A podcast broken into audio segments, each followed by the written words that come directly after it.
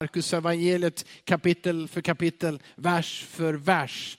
Så det är relativt lätt att förbereda sig för mina predikningar. När du ser att Carl Wilhelm ska predika, då funderar du på vad var det nästa, förra gången han predikade om?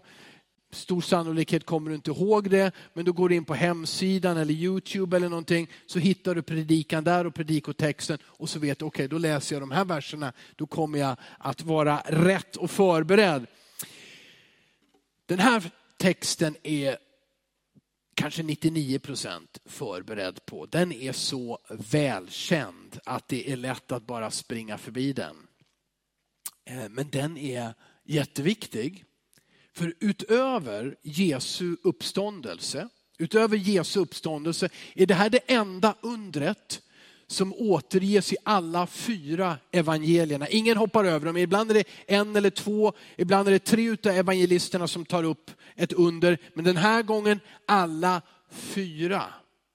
Och det här är också, fram till uppståndelsen från de döda, är det största undret som berör mest antal människor och också involverar mest antal människor. Det är helt fantastiskt. Rubriken i min bibel är att Jesus mättar 5000.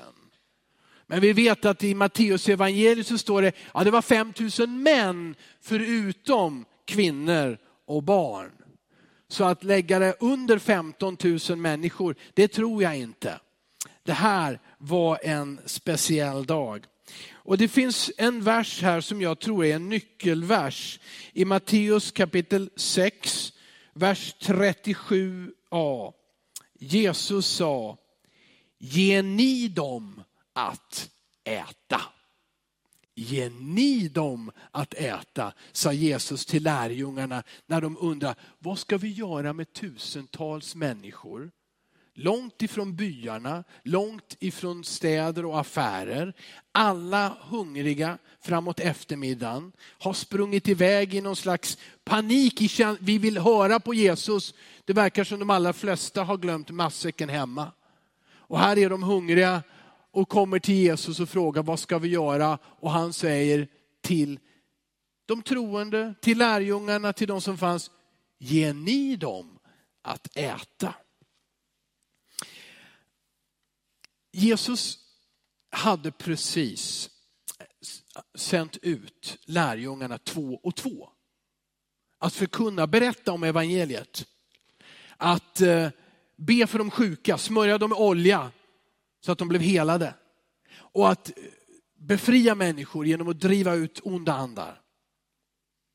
När vi kommer till den här berättelsen så kommer de precis tillbaka glada och lyckliga över vad de har fått vara med om. De har inte bara lyssnat till Jesus den här gången, utan två och två har de gått till byar och olika platser, berättat om Jesus, bett för de sjuka, sett sjuka bli friska. Efter att de har bett för dem och smort dem med olja. De har fått vara med och befria människor från onda andar. Och det är här som de kommer tillbaka och Jesus vet hur tröttande det också kan vara för själen och för kroppen att ge ut. I predikan, i att förkunna Guds ord, att ta tid för de sjuka här och hjälpa dem där. Man kan bli trött och Jesus säger, du ska få vila dig lite grann. Vi åker över till andra sidan sjön. Vi kan läsa den här texten. Kanske är det också så att de är ändå lite skakade. Ja, de har upplevt massa seger och berättar om det. Men samtidigt, precis innan så har de minns hur Johannes döparen, som gav hela sitt liv för det här, att förkunna för människor om Guds rike, hade blivit halshuggen, avrättad utan rättegång utav Herodes. Det finns en kostnad i att predika evangeliet. Och man kan få uppleva att människor blir helade. Men man kan också som kristen bli förföljd och förlora livet. Så kanske fanns det, var det nödvändigt för lärjungarna att få processa detta som hände. Och Jesus sa kom, att vi är tillsammans och vilar. Men det blev ingen semester. Istället för att vila så kommer de att ställas inför en utmaning som de inte har varit med om tidigare. 15 000 plus hungriga människor utan mat. Och det kommer att leda fram till det största undret som de någonsin hade sett. Nu läser vi Markus kapitel 6, vers 30. Apostlarna samlades nu hos Jesus och berättade för honom allt vad de hade gjort och vad de hade, och vad de hade undervisat om. Han sa till dem, kom med till en öde plats där ni kan vara ensamma och vila er lite. Det var så många som kom och gick att de inte ens fick tid att äta. De gav sig av i båten till en öde plats för att vara för sig själva. Men när folk såg att de for iväg och många fick veta det, då skyndade de dit till fots från alla städerna och kom fram före dem. När Jesus steg ur båten såg han en stor skara människor. Han förbarmade sig över dem, för de var som får utan herde. Och han undervisade dem grundligt. Timmen var redan sen när hans lärjungar kom till honom och sa, platsen här är ödslig och timmen är redan sen. Skicka iväg dem så att de kan gå till gårdarna och byarna här omkring och köpa sig något att äta. Men han svarade, ger ni dem att äta? De frågade honom, ska vi gå och köpa bröd för 200 denarer och ge dem att äta? Han sa till dem, hur många bröd har ni? Gå och se efter. De tog reda på det och sa, fem bröd och två fiskar. Då befallde han att de skulle låta alla slå sig ner i gröngräset i skilda matlag. Och de satte sig ner i grupper om hundra eller femtio. Och han tog de fem bröden och de två fiskarna, såg upp mot himlen, tackade Gud, bröt bröden och gav åt sina lärjungar för att de skulle sätta fram åt folket. Han delade också ut de två fiskarna åt dem alla och alla åt och blev mätta. Och man plockade tolv korgar fulla med brödbitar och fisk. Det var fem tusen män som hade ätit. Och som jag sa så la Matteus till, förutom män och kvinnor. Låt oss be en gång till. För Jesus vill säga dig och mig någonting idag. Herre, vi tackar dig för vad lärjungarna fick uppleva. Men vi tackar dig för att du, trots att vi inte ser dig, är lika närvarande hos alla troende, hos alla dina lärjungar runt om jorden idag som du var då. Herre, Herre, vi kommer till dig och ber att vi ska få lära oss ifrån ditt ord. Och vi ber att din ande ska verka i våra hjärtan så att denna text bemöts av tro få komma in i våra liv och påverka vårt tänkande, vår vardag, vår tjänst för dig. Herre, jag ber att din heliga ande ska komma och bryta ner otro, rädsla och tvivel i våra liv, Herre. Så att vi tar emot vad du ger och att vi tjänar dig så som du vill att vi ska tjäna dig. I Jesu namn. Och allt folket sa? Amen. Amen. Är ni med nu då? Jag hoppas det. Det här är en händelse som Jesus använder och som blir undervisande för oss. För att vi ska se på våra medmänniskor som Gud ser på dem. Att vi ger människor något och att vi räknar med under. Fem stycken saker vill jag nämna ur den här texten. Jag tittar på lite olika möjligheter. Man skulle kunna ta åtta punkter, man skulle kunna ta tre punkter. Men jag ger er fem idag. Ge lite mera tid till de första. För de är så viktiga. Och den första är så enkel. Gud vill verka i andra människors liv genom dig. Amen. Kan du ta emot det? Inte bara genom andra. Inte bara genom pastorer eller de som har gått på en bibelskola. Inte bara genom missionärer utan genom dig. Gud vill verka. Han vill hjälpa och älska andra människor genom dig. Som jag sa, Jesus såg lärjungarnas behov av, av att vila och få processa det som skedde. Men så står de den här stora skaran som liksom upptäckte Jesus och lärjungarna när de, det verkar som de ville smyga sig iväg för att få lite vila. Vi tar båten. Kanske var det så, jag tror det, att det här var tidigt i gryningen. De går ner, de hoppar i båten. Men det står folket upptäckte dem och sprang efter dem. Och så sprang de längs stranden. De såg ju båten där ute, eller båtarna kanske var två stycken, med Jesus och de tolv.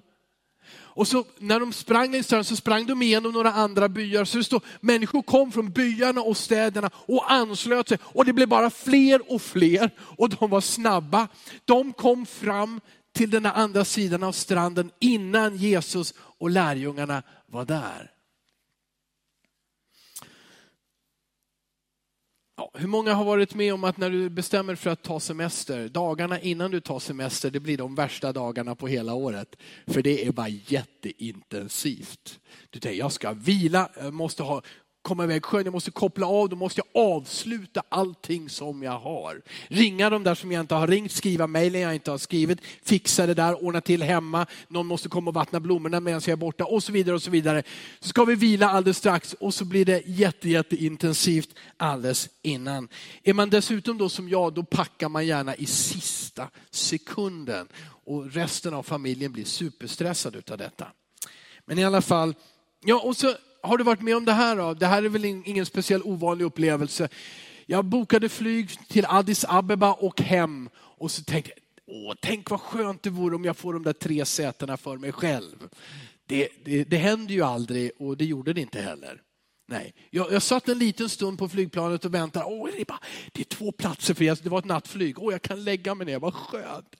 Då kom det ett gift par och så satte hon sig, mannen satte sig där, kvinnan satte sig där. Och så istället så blev det så att jag har aldrig upplevt någon som, som, som ja, alltså jag fick så mycket armbågar.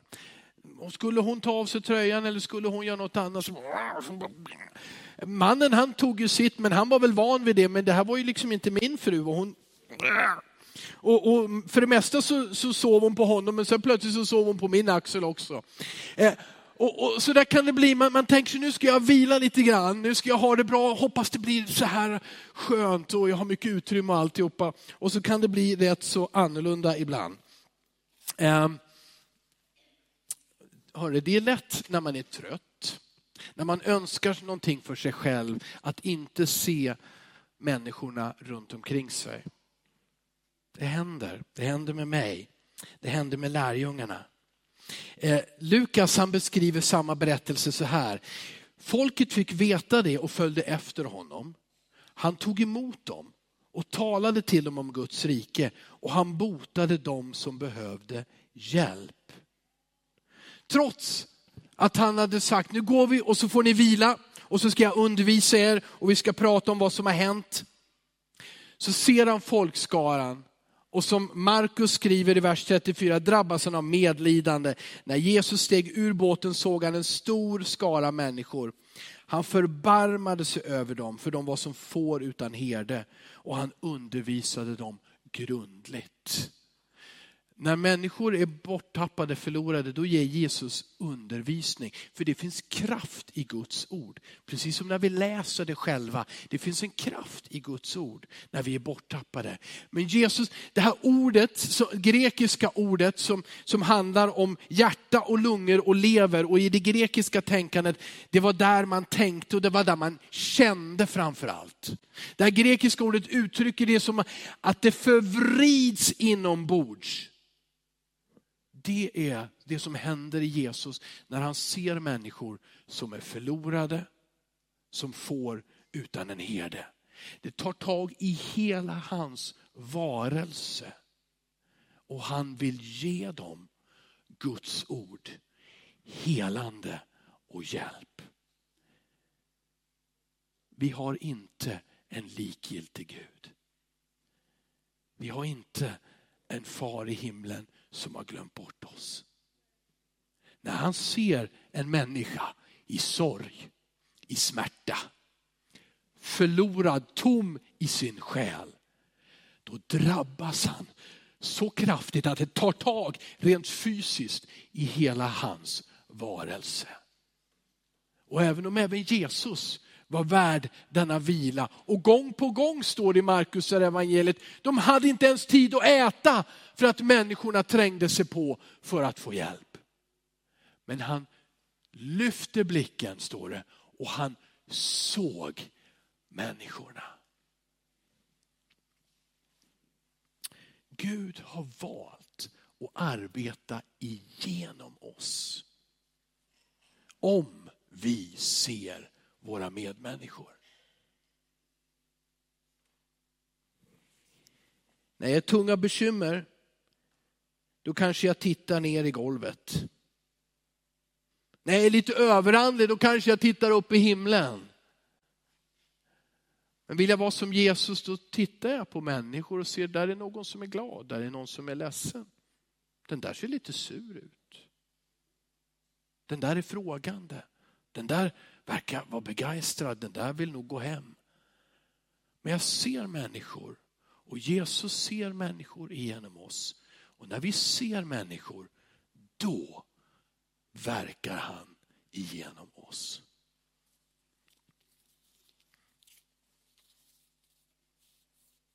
Hmm. Där ligger predikan. Jag tänkte, ni trodde, Gud sa till Carl Wilhelm, korta ner den här predikan. Ni kanske kan göra det. Jag ska se. Om vi inte ser människor, då kommer vi missa både det här när vi blir drabbade av Guds kärlek för medmänniskor. Och vi kommer att missa de stora undren. Glädjen om vi inte ser på varandra och ser varandra. Om vi upplever människor som ett störmoment, och det gör vi ju ibland, det tyckte jag nog lite grann om henne på flygplanet, att det var lite störande. Men om vi ser på människor så, så missar vi också möjligheten att Gud talar igenom oss. Så en nyckel till att få se under och en nyckel till att själv växa som människa, det är att se våra medmänniskor närmare Gud, närmare varandra, närmare våra medmänniskor. Där är nyckeln till att få vara med om Guds under och Guds under av kärlek i andras liv. Så den första punkten var Gud vill verka i människors liv genom dig. Och att vi skulle ta emot det idag.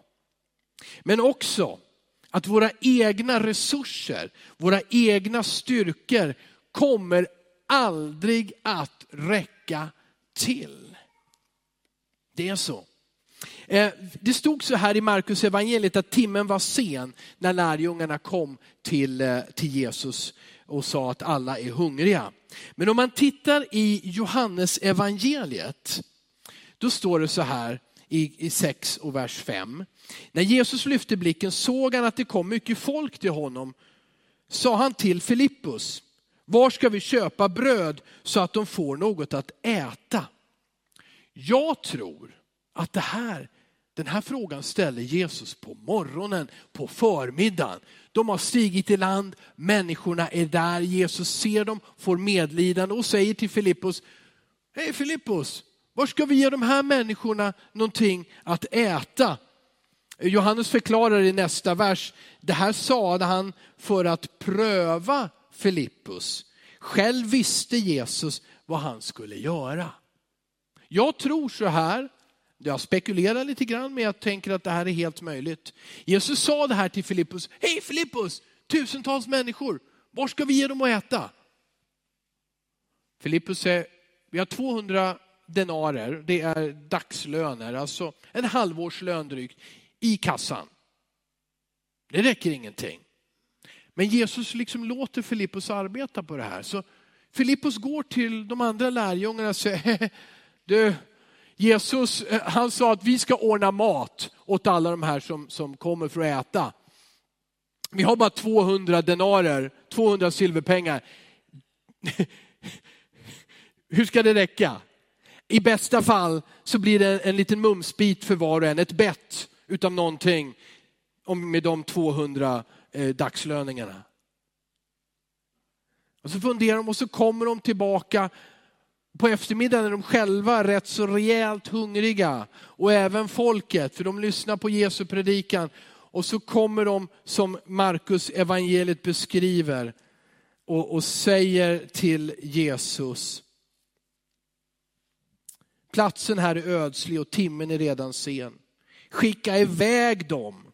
Och det är lite så här, äh, lite halvt nedvärderande. Skicka iväg de här människorna så de får skaffa sig någonting att äta Jesus. Men Jesus, han säger, ge ni dem att äta. Men vad som händer här är att Filippos och lärjungarna behöver också inse att deras egna resurser, deras egna styrkor räcker inte till. Gud vill arbeta igenom dig och det som han har gjort dig till och det som han har lagt i dig. Men för det som Gud vill göra igenom dig, det är så stort att det räcker inte med dina talanger, med den kraft du har, med den utbildning du har skaffat dig. Det räcker inte för att få uppleva och leva i det som Gud vill göra i ditt liv. När du tänker, jag vill göra något för Jesus. När du funderar som Filippus, hur ska vi lösa det här problemet? Kom ihåg vad det står. Att du ska få vandra i förutberedda gärningar. Det som griper tag i ditt hjärta med stor trolighet har Gud redan planerat det. Han ber om att du ska tro på honom för att det ska få ske.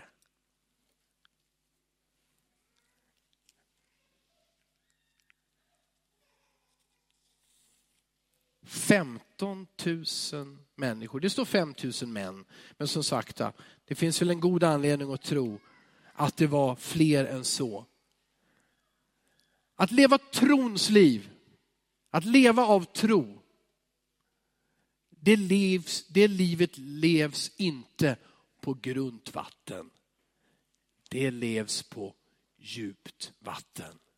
Om man vill leva trons liv Jesus hade sagt till lärjungarna när han nyligen sände ut dem två och två.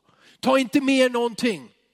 Ta inte med två tunikor, bara en tunika. Ingen extra för den kalla natten. Ta inte med något bröd, ta inte heller med några pengar i ert bälte. De stoppade väl pengarna i bältet på något sätt med små fickor. Ta inte med någonting. Gå bara ut och förkunna och be och lita på att jag tar hand om er, att er far i himlen tar hand om er. Och ju förr vi upptäcker att våra egna tillgångar räcker inte till när vi ska göra Guds vilja. Desto mer kommer vi att växa i relationen till honom, tron på honom, tilliten till honom. Det står så här i Filipperbrevet Eh, och det är inte Filippus som har skrivit Filipperbrevet utan det är brevet till staden Filippi. Bara sådär. Det står så här i, vers, i kapitel 2, vers 13. Det är Gud som verkar i er, både vilja och gärning. För att hans goda vilja ska ske. Gör allt utan att klaga och tveka. Så blir ni fläckfria och rena, Guds oskyldiga barn mitt i ett falskt och fördärvat släkte, där ni lyser som stjärnor i världen när ni håller fast vid livets ord. Att hålla fast vid livets ord, att inte klaga, inte tveka säger han. Då blir ni till stjärnor. Tänk dig så här, att Filippos gick iväg med de andra lärjungarna och pratade. 200 denarer, det räcker inte till. Vad vi har, det duger inte för någonting så stort. Och så ältade de det här. Och vad händer? Jo, det är nämligen så att det finns kraft, finns oerhörd kraft i dina ord, i vad du säger. Filippos är inte känd som en av ledarna i bland de tolv. Det är Petrus, Johannes, Jakob. Men det spelar nästan ingen roll. Vart det än kommer ifrån, vem det än kommer ifrån. Ord som säger, det här går inte. Det här klarar vi inte. Det sprider sig som en smitta. Och sen kommer alla tolv lärjungarna. Och vi måste ändå komma ihåg, de hade precis varit ute och själva bett för de sjuka. De hade blivit helade. De hade själva befriat människor. De hade själva predikat och människor hade lyssnat. Och effekten blev att nu kom ännu mer människor och följde Jesus. Men genom det negativa pratet så försvann den tro och de ord som ger liv. Och det stod i Filipperbrevet att vi ska hålla fast vid livets ord. Vi måste bestämma oss idag. Ska de orden som kommer ur din mun vara livgivande ord eller ska de vara dödande ord? Ska de orden som kommer ur din mun när du är med din familj, när du är med dina vänner, när du idrottar med kompisar, när du är på arbetet, när du är i församlingen. Ska de orden bygga upp tro? Eller ska de bryta ner tro? Det finns kraft i det som vi säger.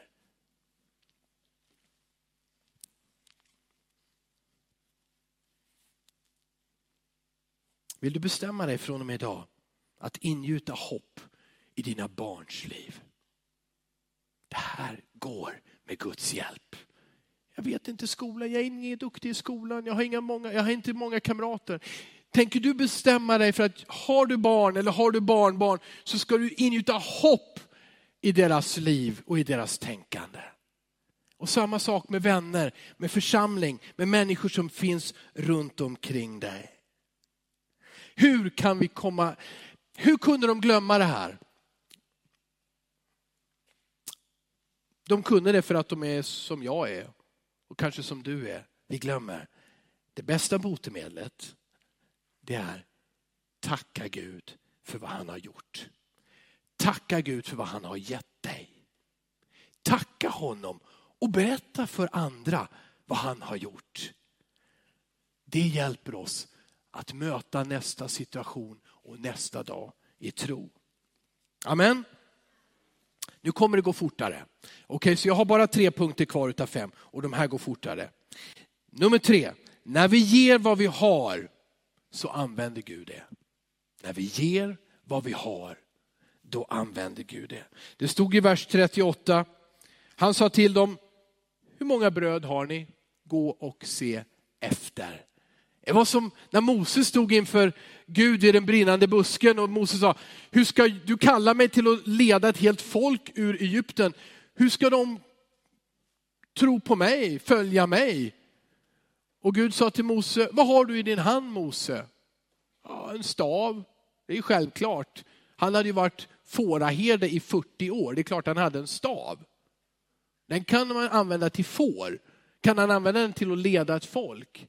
Men Gud säger det till Mose, vad har du i din hand? För det som känner till berättelsen så kastar Mose den där staven på marken och den blir till en orm och han flyr. Men sen går han fram i tro och tar den i svansen och så blir den en stav igen. Och han säger till lärjungarna, vad har ni? Se efter vad ni har.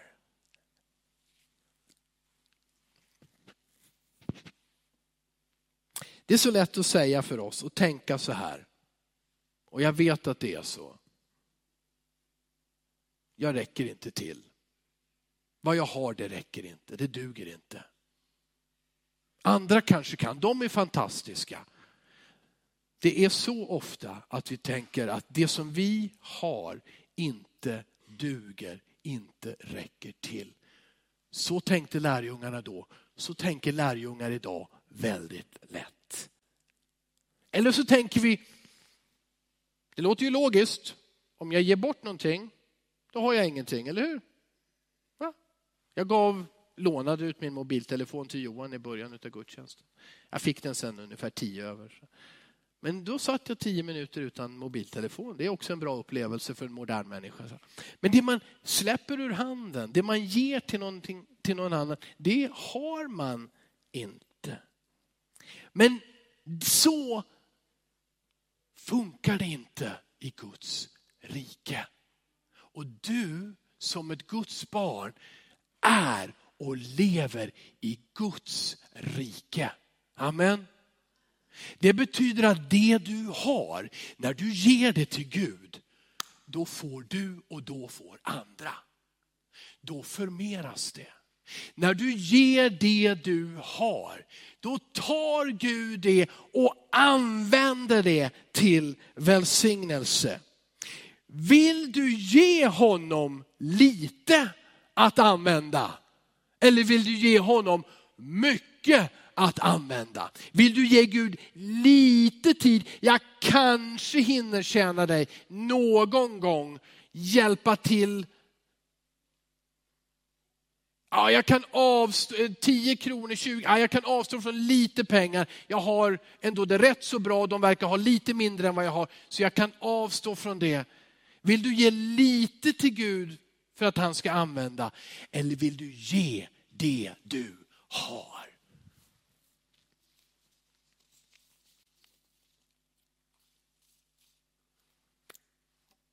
Inte förrän vi är tacksamma för vad vi har så blir det förmerat. Jesus lyfte blicken, står det. Han tackade Gud och så bröt han brödet. Och där skedde. När vi ger vad vi har och när vi tackar Gud, där sker undret. Det stod i vers 42. Alla åt och blev mätta. En ung pojke hade sin matsäck med sig. Hur var det med de andra 15 000? Alltså den vanligaste teorin, och det är väl kanske den som stämmer, men jag tror inte den stämmer till 100 procent. Det är ju att de hade väldigt bråttom, de sprang, de liksom lämnade allt för att hinna före Jesus till andra sidan stranden. Så rätt så många kom nog utan mat, det är nog det som är sanningen. Men kan du tänka dig i ditt sinne att 15 000 plus människor, män och kvinnor och barn, att varenda en, bortsett från en pojke, gick därifrån utan matsäck? Jag kan inte det.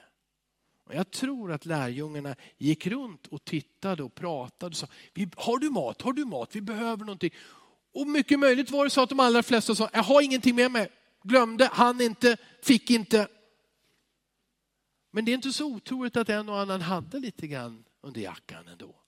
Ja men du, det är många människor som ska äta, det här räcker inte till. Det jag har är nog bäst att jag behåller för mig själv. Men en liten pojke, han har fem bröd, inga stora limpor, kornbröd och två små fiskar. Om de är inlagda eller saltade, det vet jag inte. Men de hade han med sig. Han gav allt. Och Jesus tackade för maten. Och så bröt han det här brödet och så skedde ett under som är så ofantligt att det är svårt att ta till sig. När du ger vad du har, då blir det förmerat. I dina händer och i mottagarens händer. Det är så fantastiskt att Jesus gav brödet och fiskarna till lärjungarna och de delade ut det. Ser ni hur lärjungarna fick lära sig att gå i tro igen de hade trott, de hade gjort under, varit med om mycket. Det här kändes för stort, de tvivlade, tog ett steg tillbaka, räknade pengarna, kom fram till att vi klarar inte det här med våra resurser. Men nu låter Jesus deras tro växa igen. Han säger, varsågod här, dela du ut. Här, ta fisk och bröd. Går du till dem, går du till dem. Och när de delar ut så sker undret i deras händer. Det står inte att det damp ner fem ton fisk och bröd framför Jesus. Boom!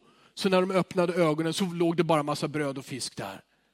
Men de delade och när man delar så räcker det till för alla. Och så för att avsluta det här. Nummer fem, Gud vet vad vi behöver in i minsta detalj. Var inte lärjungarna själva hungriga? Självklart var de hungriga. Varför ville de skicka iväg folket och leta mat tror ni? Ja, för de vill själva få äta lite mat. Men det står så här i avslutningen, man plockade tolv korgar fulla med brödbitar och fisk. Ofta så tänker vi oss, det måste varit massiva korgar med massor med bröd och fisk. Det är inte nödvändigtvis så, det är snarare så att det grekiska ordet pratar om en liten lunchkorg. Så kan du se ett samband mellan tolv lunchkorgar och tolv lärjungar? Han hade ju lovat att de skulle få vila den dagen och faktiskt, de slapp laga mat. När arbetet var utfört så fanns det en korg för Filippus, för Petrus, för Johannes, för var och en att äta. Han tänker på ditt liv i minsta detalj. Han sörjer för dig. Han vill att din och min tro ska växa när vi ger honom det vi har. När vi ger utan att hålla tillbaka. När vi tackar Gud för vad vi har fått ta emot och vad vi har. Då vill han ge dig givandets glädje och han vill låta dig se mottagarens glädje.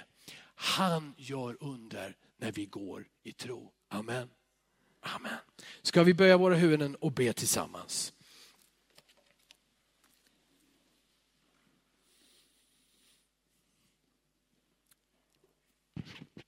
Fader i himlen, tack för att du är här nu. Jag ber för alla som har ett arbete. Tack för att de har ett arbete. Jag ber för den som har ett arbete som inte trivs med sitt arbete. Hjälp var och en att tacka för det vi har, för det arbete vi har. Herre Jesus Kristus, hjälp oss, hjälp min broder, min syster, min vän att ge också det där till dig i tacksägelse så att du får använda och välsigna. Herre Jesus Kristus, vad vi har, lär oss att ge det till dig. Men jag märker, och vi märker också, att våra egna liv inte räcker till. Och därför så tar vi vad vi har, vårt eget liv, vår tid, vår personlighet, vår själ. Herre, det som vi tar eller tror att vi har, Herre, vi kommer med det till dig. Tack för att du älskar varje människa. Tack för att du inte stöter bort någon människa.